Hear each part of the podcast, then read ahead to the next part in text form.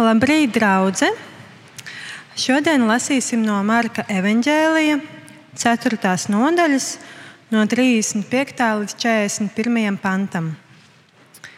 Un viņš tiem saka, tanī dienā, vakaram metoties, pārcelsimies uz viņu malu, un ļaudis atlaiduši, tie viņu ņēma līdzi, tā ka viņš laivā bija un citas laivas bija pie viņa. Un liela vētra cēlās, un viļņi gāzās laivā, tā ka ūdens jau piepildīja laivu. Un viņš gulēja stūres galā uz spilvena, un tie viņu modina un saka viņam: Mācītāji, vai tu nebēdā, ka ejam bojā? Un uzmodies, viņš apsauca vēju un sacīja uz jūru: Klusu, mierā!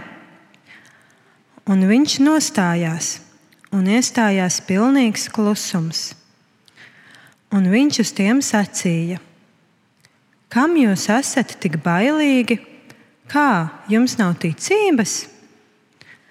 Un tie ļoti izbijās un sacīja savā starpā: Kas tas tāds, ka pat vējš un jūra viņam paklausa. Āmen! Lūksim Dievu! Mīļais, darbais debes Tēvs, paldies, ka šis ir atkal rīts, kad mēs katrs vai nu skaļi, vai savā sirdī te varam teikt paldies. Un patiesībā tik daudz būtu par ko teikt tev paldies. Kaut vai par to, ka varam būt šeit kopā draudzē, lai būtu sadraudzībā, savā starpā, sadraudzībā ar tevi, un tu esi mūsu vidū. Bet paldies, ka tu esi arī pie katra viena, kurš ir vai nu slimības, vai kāda cita apstākļa, kavēts mājās, un lūkojas šo dievkalpojumu attālināt. Paldies, ka tu esi ar mums. Paldies, ka tu esi ar mums tajos brīžos, kad mēs to izteikti izjūtam. Un paldies, ka tu esi arī ar mums tad, kad mēs kad mums liekas, ka tu guli, ka tu mūs nedzirdi un varbūt pat tev nerūp tas, kas ar mums notiek. Un uh, šīs dienas tavs vārds mums par to saka, ka tomēr tas tā nav. Tomēr tas tā nav, un, uh, un tu esi ar mums kopā ik brīdi, ikdienas. Un tu tik ļoti mūs mīli. Tu tik ļoti mūs mīli, ka pat savu dzīvību par mums atdeva, un to mēs arī šodien draudzē varam pieminēt vakarēdienā. Paldies par to!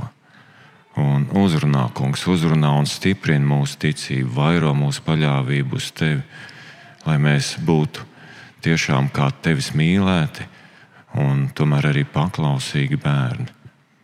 Uzrunā mūsu, uzrunā arī caur mācītāju Edgars, svētītu viņu to, ko Viņš ir sagatavojis, un mēs ticam, ka tas var būt mums par svētību un tev par godu. Jēzus vārdā. Āmen!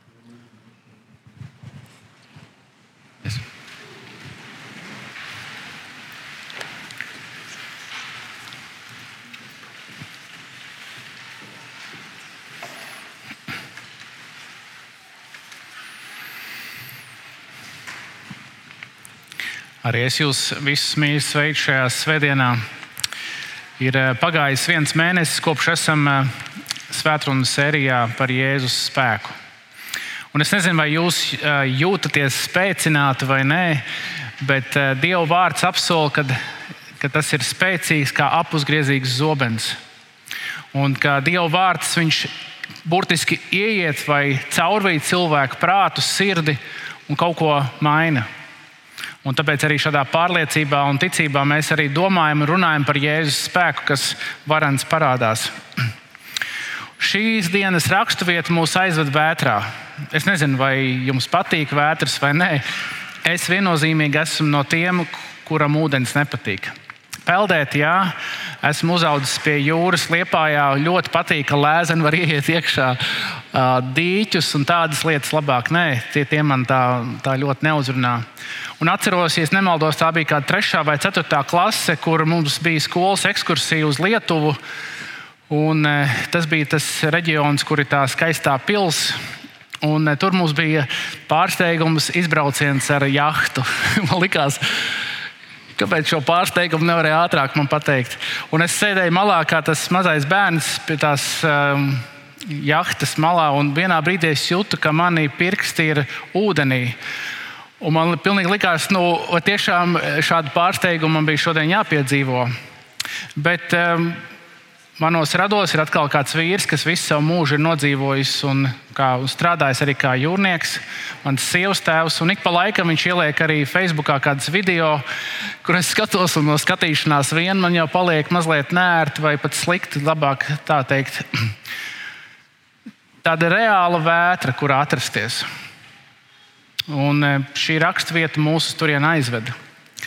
Bet pirms tam e, es gribu, lai mēs varam varbūt īsumā apskatīties, kā esam nonākuši līdz e, šai vietai. Mārka evanģēlijas jau četras nodaļas praktiski mēs esam izlasījuši. Un jaunajā nedēļā sāksim lasīt um, gan šo stāstu, kur mēs šodien pārdomāsim, gan arī visu piekto nodaļu. Bet kas tad ir bijis? Jānis Kristītājs eh, tūkstnesī sludina par to, ka nāks mesija, nāks glābējs. Viņš ir kā saucēja balss tūkstnesī, kas burtiski liecina to, ka Dievs būs ar savu klātbūtni. Ne tikai caur viņu, kā Jānis Kristītājs, kurš aicina atgriezties no grēkiem, bet viņš saka, ka pats Dieva dēls nāks starp jums un mājos. Tad Kristus tiek kristīts, un kristīgā brīdī ir šie spēcīgie vārdi uz Kristu. Tu esi mans mīļais dēls, uz kā man labs prāts. Dievs atklāja, vai iedod, vai apstiprina šo identitāti, ka Jēzus nav vienkārši garām gājējis. Jēzus nav vienkārši vēl viens cilvēks, kas tiktu Jāņa kristīts, bet tas ir gaidītais Dieva dēls. Pēc kristībām Jēzus tiek aizvests kārdināšanā, 40 dienas viņš ir tuksnesī. Tad uh, Jēzus dziedina daudz un dažādu dziedināšanas notikumu. Kristus arī sludina par sevi, par Dieva valstību. Viņš māca par gavēšanu un sabatu. Un tad arī viņš izrauga kādus savus sekotājus, ja mēs viņus arī pazīstam kā apstuļus, kā viņa komanda, kuriem viņš uztic daudz no sava spēka. Viņš dod viņiem arī varu un autoritāti izdzīt dēmonus. Un pēc, šī, pēc šīs piektās nodaļas mēs redzēsim, kā viņš sūta arī viņas misijas uzdevumos, kur viņi praktiski iet bez Jēzus fiziskās klātbūtnes, bet ar to Jēzus spēku, ko viņš ir iedevis viņiem, to varu un autoritāti, un viņi dzen ārā dēmonus un ļaunos garus. Pēc tam Jēzu apsūdz, ka viņš ļaunos garus pats izdenot ar ļauno garu palīdzību. Pavisam nesen mēs uh, klausījāmies sižetu, kur Jēzus kopā ar saviem sekotājiem pulcējas kādā namā. Pie viņa atnāk māte un brāļi, jeb viņa ģimene. Un Jēzus saka, šī ir mana ģimene. Jeb kas dara man tēvu prātu, tā ir mana ģimene. Un tad aizvadītajā svētdienā mēs kopā ar mācītāju Matīsu domājam par šīm līdzībām. Ceratajā nodaļā vairākas līdzības par to, kas ir Dieva valstība, jeb kāda viņa ir. Un tā savalkot kopā, Jēzus līdz šim brīdim ir izraudzījis savu komandu. Jēzus izvēlējās šos 12 cilvēkus, un viņš uz viņiem būvēja to savu dievu valstību šeit virs zemes. Viņš ir mācījis un dziedinājis, un viņam ir rakstu, šī spriedze ar rakstu mācītājiem un viņa paša ģimene, jeb pirmās apsūdzības. Un tad, certajā nodaļā, kad Jēzus stāstīja šīs līdzības, viņš ir iekāpis laivā. Tur ir rakstīts, ka cilvēki bija pilns un viņi bija pie šīs jūras. Precīzāk būtu teikt, ka viņi bija pie šī ezera. Tas, ir, tas būtu precīgā, precīzāks apzīmējums. Un viņš stāv šajā laivā un sludina, jeb māca. Cilvēki ir piespiedušies. Viņš visu dienu māca, māca, un tad mēs lasām 37. ne 35. pantā. Un viņš tiem saka, ka tajā dienā, vakaram metoties, pārcelsimies uz viņu malu. Viņš visu dienu ir runājis, un, un vienkārši ir jau vienmēr sakot, nogurums un laiks doties. Un šis stāsts, kur mēs lasījām un pārdomāsim arī īpaši, viņš gribētu teikt, rezumējās tajā, ka ticība spēja visu. Bet vienlaikus šis stāsts atklāja, ka līdz ticībai, vai ticot, vai cerot uz ticību, cilvēks, tu un es, mēs esam ļoti baiļu ietekmēti. Tāpēc es aicinu, ka varam ielūkoties šajā stāstā un atklāt par kādām bailēm. Un tas pirmais būtu, kad cilvēkam ir bailes no nāves, jeb bailes no nāves. Lasīsim 35. līdz 38. pantu. Un viņš, proti, Jēzus, tiem saka, tā dienā, vakaram metoties, pārcelsimies uz viņu malu. Un ļaudis atlaiduši tie viņu ņēma līdzi, tā ka viņš laivā bija un citas laivas bija pie viņa. Un liela vētra cēlās un viļņi gāzās laivā, tā ka ūdens jau piepildīja laivu. Un viņš gulēja stūres galā uz spilvena. Un tie viņu modina un saka viņam, mācītāji, tu nebēdā, ka ejam bojā. Bailes no nāves. Jēzus visu dienu ir strādājis, mācekļi ir bijuši līdzās. Un eh, tad Jēzus saka šos vārdus, mēs pārcelsimies uz otro pusi. Un šī otrā pusē fiziski ir arī viņi atrodas Kapernaumā, un tad viņi dodas pāri visam ezeram uz eh, šo geraziešu zemi. Un šī geraziešu zeme ir zeme, kur ir apmēram desmit pilsētas, un viņas ir pazīstamas ar to, ka tur dzīvo pagāņu jūdi. Citiem vārdiem sakot, eh, ne tas labākais, varbūt, eh, zvejošanas lauks tādā evaņģēlīja kontekstā.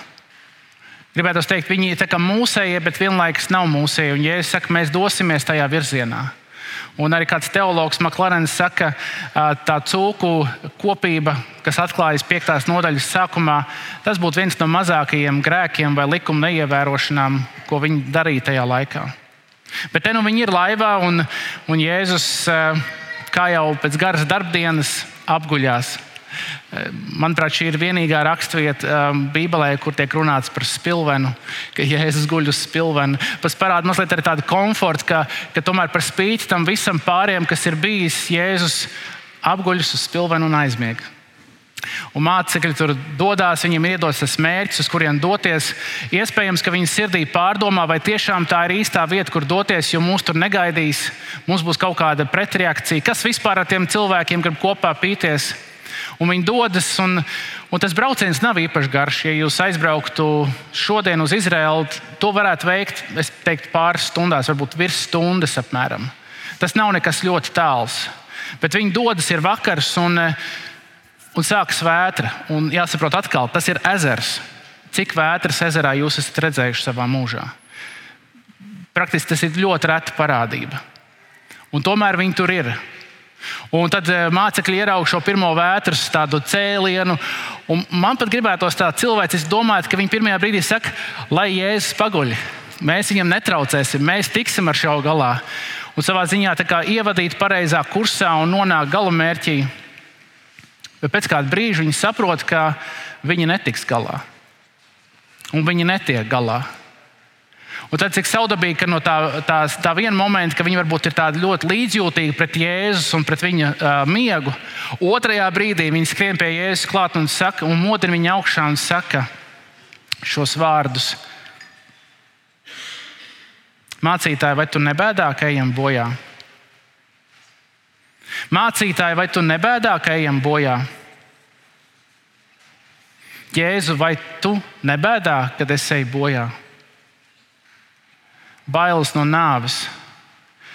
Vai tev ir bijis bailes no nāves? Varbūt tev šodien joprojām ir bailes no nāves. Mēs iespējams teikt, tā ir normāla parādība. Iespējams, tikai plānprātīgie netic vai nebēdājas, jeb nebaidās no nāves. Iespējams, ka kādi fanātiķi nebaidās no nāves. Vai tev ir bailes no nāves? 19 gados eh, devos pie mācītāja Liepājā uz kristību semināru. Un pirmais jautājums, ko viņš mums jautāja, ir, vai tu baidies no mirt? Man liekas, tas gan ir labs, tāds ieaicinošs jautājums jauniem kristiešiem. Un vienlaikus es pēc tam domāju, tas, tas ir ļoti labs jautājums. Jo dzīve ir tas, pie kā cilvēks visbiežāk turas ar visām rokām un pirkstiem, un ar visu savu prātu, un enerģiju un savu ikdienu. Es gribu dzīvot, Dievs man ir radījis šajā pasaulē, Viņš noteikti ir ielicis ar kādu mērķu un uzdevumu. Tātad, ja es esmu, tad man ir jādzīvo. Bet tad mācītājs uzdod jautājumu, vai tu esi gatavs mirt? Kā redzams, mācekļi daudz ko piedzīvoja kopā ar Jēzu. Daudz brīnumu, daudz mācību, un vienlaikus viņi ir šajā apziņā, ka no vienas puses Jēzum savā ziņā pat nerūp, ka mēs tūlīt mirsim. Es tā cenšos domāt, kāpēc mums varētu būt bailes no nāves. Un man nāca prātā divas, divas idejas, un noteikti, jums varētu būt vēl kādas. Tā pirmā, ka mums tik ļoti šeit patīk. Mums patīk šeit pasaulē. Mums ir draugi, rāda paziņas, ģimene, darbs, karjera, iespējams, kāda īpašuma, kāda manta. Mēs plus mīnus kaut kā kontrolējam to savu ikdienu un esam paraduši dzīvot, celties, tad iet gulēt. Tad. Un varētu teikt, mēs tā kā apmēram stādamies priekšā, kas šeit notiek. Būtu baigi žēl no tā viss šķirties.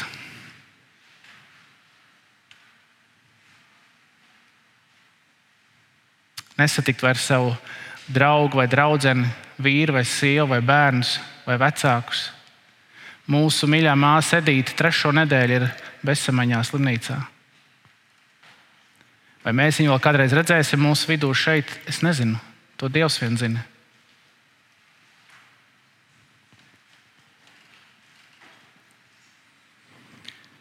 Tas otrais iemesls, iespējams, kāpēc mums ir bail no nāves, ir, jo ja nu izrādās, ka Bībelē ir tā taisnība, ka būs tā diena, kad mēs stāsimies Dievu priekšā, būs tā tiesas diena, būs tā diena, ka katram cilvēkam būs jāatbild par savu dzīvi. Un gribētu teikt, mēs, kas nākam baznīcā, liktu, nu, mēs tam ticam. Mēs ticam, bet vienlaikus vai tas nerada arī tādu, tādu varbūt līdz galam nemieru sirdī, kā būs tajā dienā? Kad Dievs nāks un izvērtēs manu sirdi, vai, es, vai Viņš atzīs mani par pietiekami labu? Varbūt kādam jums līdzīgi kā um, citiem ir, ka jūs nākat uz baznīcu līdz saviem vecākiem vai draugiem, paziņām. Jūs gribētu ticēt, bet uh, kaut kas attur no ticības uz Dievu. Varbūt, ka tu esi savā dzīvē uzticējies Kristum, bet kaut kas tev nedod mieru par to, vai tava ticība ir tā teikt pareiza. Ja nu šodien Dievs paņem mani prom no šīs pasaules, Un tad es domāju par to nāvi, un, un tad, kā, to nāvi jau baidīt nevajag. Un, ziniet, nevajag baidīties no nāves, bet vajag gatavoties tai. Un gatavoties divos veidos, ka tu ikdienā vari mēģināt rast mieru ar līdzcilvēkiem, un otrais, ka tu vari rast mieru ar pašu Dievu. Un arī šodien, kad baudīsim svēto vakarēdienu, svētais vakarēdienas ir kā veids, kā mēs varam piedzīvot to, kā mūsu nemieris pārvēršas mierā. Ne jau mūsu spēku dēļ, ne jau tāpēc, ka mēs esam kaut ko izdarījuši, bet tāpēc, ka Kristus ir nācis šajā pasaulē, miris pie krusta, augšām cēlies. Un tagad ik viens, kas uz viņu tic, ik viens, kas uz viņu sauc, var piedzīvot to mieru, pat tādu mieru, ka man vairs nav bail mirt. Lūk, kāds mirst no Dieva. Un, kad es domāju par šo situāciju, tad man gribas sacīt, vai tas nav paradoxāli, ka arī mūsu dzīves ikdienā ir pilns ar dažādām vētrām. Mēs esam tajā dzīves virpulī mētāti no vienas puses uz otru pusi. Cīnāmies starp šo, vai tas viss ir no manis atkarīgs, vai tas ir viss no Dieva atkarīgs. Un tad Jēzus klātbūtne pasaulē parāda to, ka Dieva valstība ir tuvu klāt pienākusi. Dieva valstība ir šeit, tepat piedzīvojama. Un mēs ticam un ceram tam, ko Bībelē ir aprakstīts, ka mēs tiksim saukti mūžībā, jeb debesīs. Bet šeit, šajā pasaulē, mēs jau varam kaut ko piedzīvot no debesīm. Un tas ir tas Jēzus spēks, kas parādās arī šajā notikumā. Ka Jēzus ir kopā ar saviem mācekļiem laivā un apliecina, ka Viņš ir klātesošs. Viņš nav palicis krastā. Viņš ir kopā laivā, pat ja viņi baidās mirt. Jēzus ir šodien kopā ar visu cilvēku un pasauli, pat ja cilvēks šodien ir tajās bailēs mirt. Jēzus ir pieejams ikvienam, tev un man šodien. Tā otrā lieta, ko mācekļi piedzīvoja, atklāja šajā stāstā, viņi ir bez ticības. 39. un 40. pāns mums atklāja. Un uzmodies, Jēzus apsauca vēju un sacīja uz jūru: Klusu, mierā! Un vējš nostājās un iestājās pilnīgs klusums. Un viņš uz tiem sacīja: Kam jūs esat tik bailīgi? Kā jums nav ticības? Jēzus pamostas un vienā acu mirklī pārvērš vētru klusumā. Interesanti, ka arī lasot iepriekš Marka evanģēlijā, jūs redzēsiet, kur notiek brīnumi. Tur Jēzus bieži vien tiek galā ar pāris vārdiem vai vienā teikumā. Un arī šoreiz viņš lieto tikai divus vārdus - klusu, mierā. Viņš viņiem uzrāda, jeb atgādina atkal šo, kāpēc jūs esat tik bailīgi. Bet vienlaikus viņš arī akcentē šo ticības nozīmīgumu. Kā jums nav ticības? Un tā vien radās tā sajūta, ka mācekļi iespējams tiek tādi kā nostādīti tādā kauna situācijā. Nu, kā mēs tikko bijām ar Jēzu kopā, ka viņš dziedināja to, kuram, kurš bija ar šo problēmu ar roku. Mēs taču tikko bijām kopā ar šo cilvēku, kurš tika ienests namā, un Jēzus viņam teica, celies, tev grēki ir piedoti. Mēs tikko to visu piedzīvojām, un tagad Jēzus man saka, kā tev nav ticība.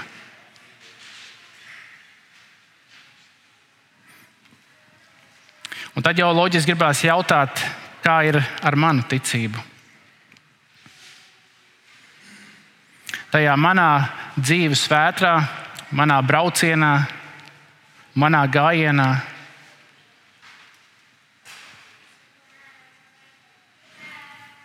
Kā ir ar mūsu ticību? Ticība, vēstulē ebrejiem autors saka, ticība ir pārliecība par neredzamām lietām. Vai man un tev joprojām ir tā pārliecība, ka šis viss nav abstrakts, bet tas ir pa īstam? Ka Dievs ir sūtījis savu dēlu Jēzu Kristu, kurš nāca šajā pasaulē, parādīja perfektu dzīvesveidu, neprasa no cilvēkiem perfektu dzīvesveidu, bet aicina paklausīt, pavēlu paklausīt, veidot mācekļus, sekot viņam un caur to dzīvi piedzīvot, ka ticība var pārvērsties lielā brīnumā. Bez ticības. Ziniet, es nedzīvoju ilūzijā, kad arī mūsu, kā kristiešu vai cilvēku dzīve, var būt pilna ar situācijām, kad zūd ticība. Bet tā labā lieta, kas, kur arī parādās tas Jēzus spēks šajā stāstā, ir tas, ka viņš aicina cilvēkus arī šodien atgriezties un ticēt. Iedomājies, arī šodien mēs baudīsim svēto vakarēdienu, un iespējams, ka aizvadītā nedēļa nav bijusi tā pat labākā tavā dzīvē. Iespējams, ka tur ir bijuši kādi, kādi brīži, kad tu pat neesi īsti ticējis līdz galam, ka Dievs tev var iznest cauri. Varbūt, tur ir bijuši kādi apzināti grēki vai kas, bet arī Dievs caur Jēzu šodien aicina mūs atgriezties un ticēt, nožēlot savus grēkus saukt uz viņu, Dievs, piedod man, un ka mēs varam piedzīvot Jēzus spēku. Atgriezies un tici. Un no malas jau bieži vien ir vieglāk runāt par cilvēkiem, nu kā var neticēt. Interesanti, ka tur blakus bija vēl viena laiva. Nu, vismaz tā Marks raksta. Tur bija citas laivas. Un tā ir spekulācija. Mēs nezinām, kāda bija viņu ticība. Varbūt viņi bļāva kopā ar pārējiem, un visi, visi bija šokā par to vētru. Bet iespējams, ka mēs arī esam savā dzīves vētrā un skatāmies uz citiem un sakam, nu kas tā vispār pa vētru? Paskaties uz manu vētru. Kādreiz mēs skatāmies, varbūt sakam, tiem gan iet labi, bet man iet galīgi slikti. Vai gluži otrādi, tiem iet Labi. Nē, nu, es esmu sajūgs. Nu, jūs sapratāt to domu, ka dažkārt tās vētras ir tādas, kādas viņas ir. Kad mums reiz liekas, ka mums iet labāk, vai citreiz, ka citiem. Bet neatkarīgi no tā, kurā mēs brīdī atrodam, vai kurā vētrā mēs šodien atrodamies, Jēzus spēks parādās tajā, ka mēs varam atgriezties un ticēt uz viņu. Un tas trešais, ko mācekļi šeit piedzīvo, un manuprāt, šis ir viss, eh, vistraģiskākais. Bailes no Jēzus. 41. pantā mēs lasām, Un tie, proti, mācekļi izbijās un sacīja savā starpā, kas tas tāds, ka pat vējš un jūra viņam paklausa. Kas tas tāds? Vai tu esi kādreiz savā dzīvē sacījis Jēzum, kas tu tāds esi?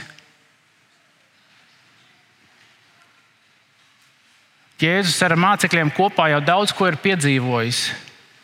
Mācekļi krīt izmisumā, Viņi baidās no nāves. Viņi pamodina Jēzu, Jēzus apsauc vētru. Un tas, ko mācekļi var pateikt, kas tas tāds,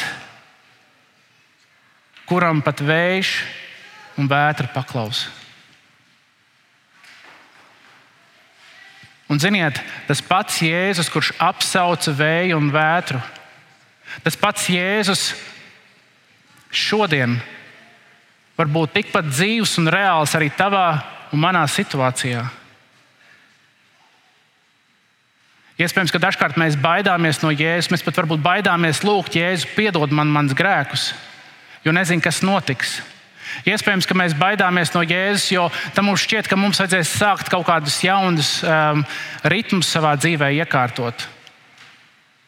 Šad un tad cilvēkiem jautāja, kāpēc tu neuztici savu dzīvi Kristum? Dažkārt cilvēki saka, es neesmu pietiekami labs.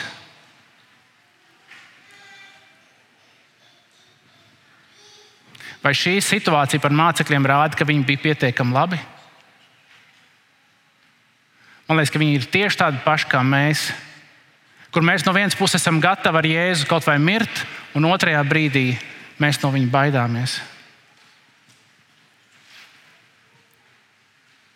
Bet šī situācija un šis, šis aspekts man atkal parāda par Jēzus spēku.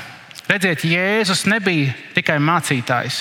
Jēzus nebija tikai kāds pravietis, Jēzus nebija tikai labs cilvēks. Jēzus bija Dieva dēls un Jēzus bija Mesija. Tas pats Mesija, pa kuru pravietoja 700 gadus pirms Jēzus piedzima. Un tagad šis Mesija ir kopā laivā ar mācekļiem un dara šo brīnumu. Jēzus ir Mesija. Un Jēzus šodien ir gatavs kāpt tā tēlēni sakot, arī tavā laivā. Jēzus negrib palikt krastā un teikt, brauc viens, es paskatīšos no malas. Jēzus grib mājot pie tevis, Jēzus grib mājot tavā dzīvē. Jēzus grib tevi aicināt kopā ar viņu doties pāri šim ezeram, pāri šai dzīves uh, virpuļiem. Un kā viņš to dara? Viņš tev saka, atgriezies un tici. Kā viņš to dara? Viņš apliecina, ka debesu valstība ir tuvu klāt pienākusi. Kā viņš to dara? Viņš saka, es esmu mesija, es esmu glābējs. Un mēs pēc brīža baudīsim svēto vakarēdienu. Un svētais vakarēdienas ir mīlestības, kurā ticīgie uz Kristu pulcējas, burtiski varētu teikt, pie viņa kājām. Tas nav no mums. Jēzus ir izdarījis pilnīgi visu šajā pasaulē, lai ik viens var pulcēties pie viņa. Un arī šodien ir laiks, kad mēs varam atgriezties un ticēt.